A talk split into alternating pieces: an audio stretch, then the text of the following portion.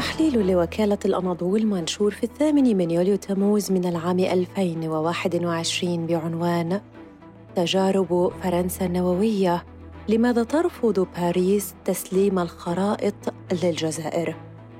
إضافة إلى عدم استجابتها لمطالب جزائرية رسمية وشعبية بشأن الاعتراف بجرائمها النووية وتعويض الضحايا، ترفض فرنسا تسليم الجزائر خرائط التفجيرات. قال وزير المجاهدين الجزائري الطيب زيتوني إن فرنسا ترفض تسليم بلاده خرائط تفجيرات نووية أجرتها في صحرائها خلال ستينيات القرن الماضي.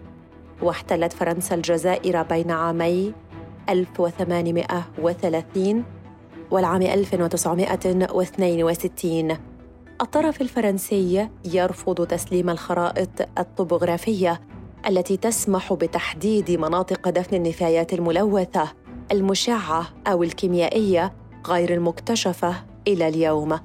مطلع يونيو حزيران الماضي طلب الرئيس الجزائري عبد المجيد تبون من فرنسا أن تنظف مواقع التجارب النووية وتعالج ملف الضحايا.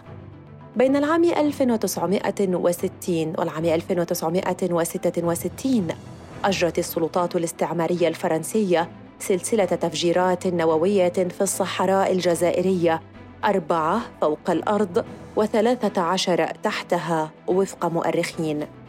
بعض التفجيرات بعد الاستقلال أجريت في العام 1962 غير معروف إن كان ذلك تم في إطار اتفاق أم أن فرنسا استغلت ضعف الدولة آنذاك. استعملت الصحراء الجزائرية مسرحا لنحو 57 تفجيرا وتجربة واختبارا نوويا. أربعة تجارب منها كانت جوية وملوثة إلى أقصى حد.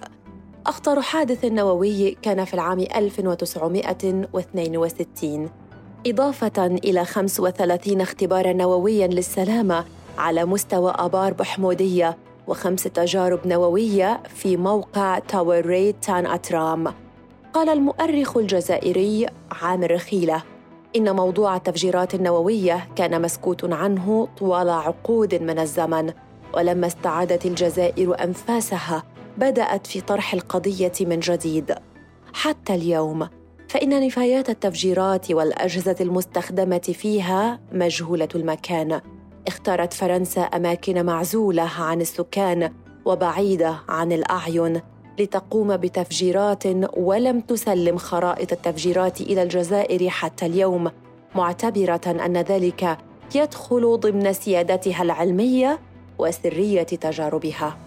الباحث والأكاديمي رابح لونيسي قال إن رفض فرنسا تسليم خرائط التفجيرات النووية يرتبط بكونه من الأسرار التامة للجيش الفرنسي لأن فرنسا لو كشفت وسلمت خرائط هذه التفجيرات معناه أنها ستفتح الكثير من الأمور حول مختلف الجرائم البشعة التي ارتكبتها في حق الجزائريين وقد تصل إلى إدانتها عالمياً.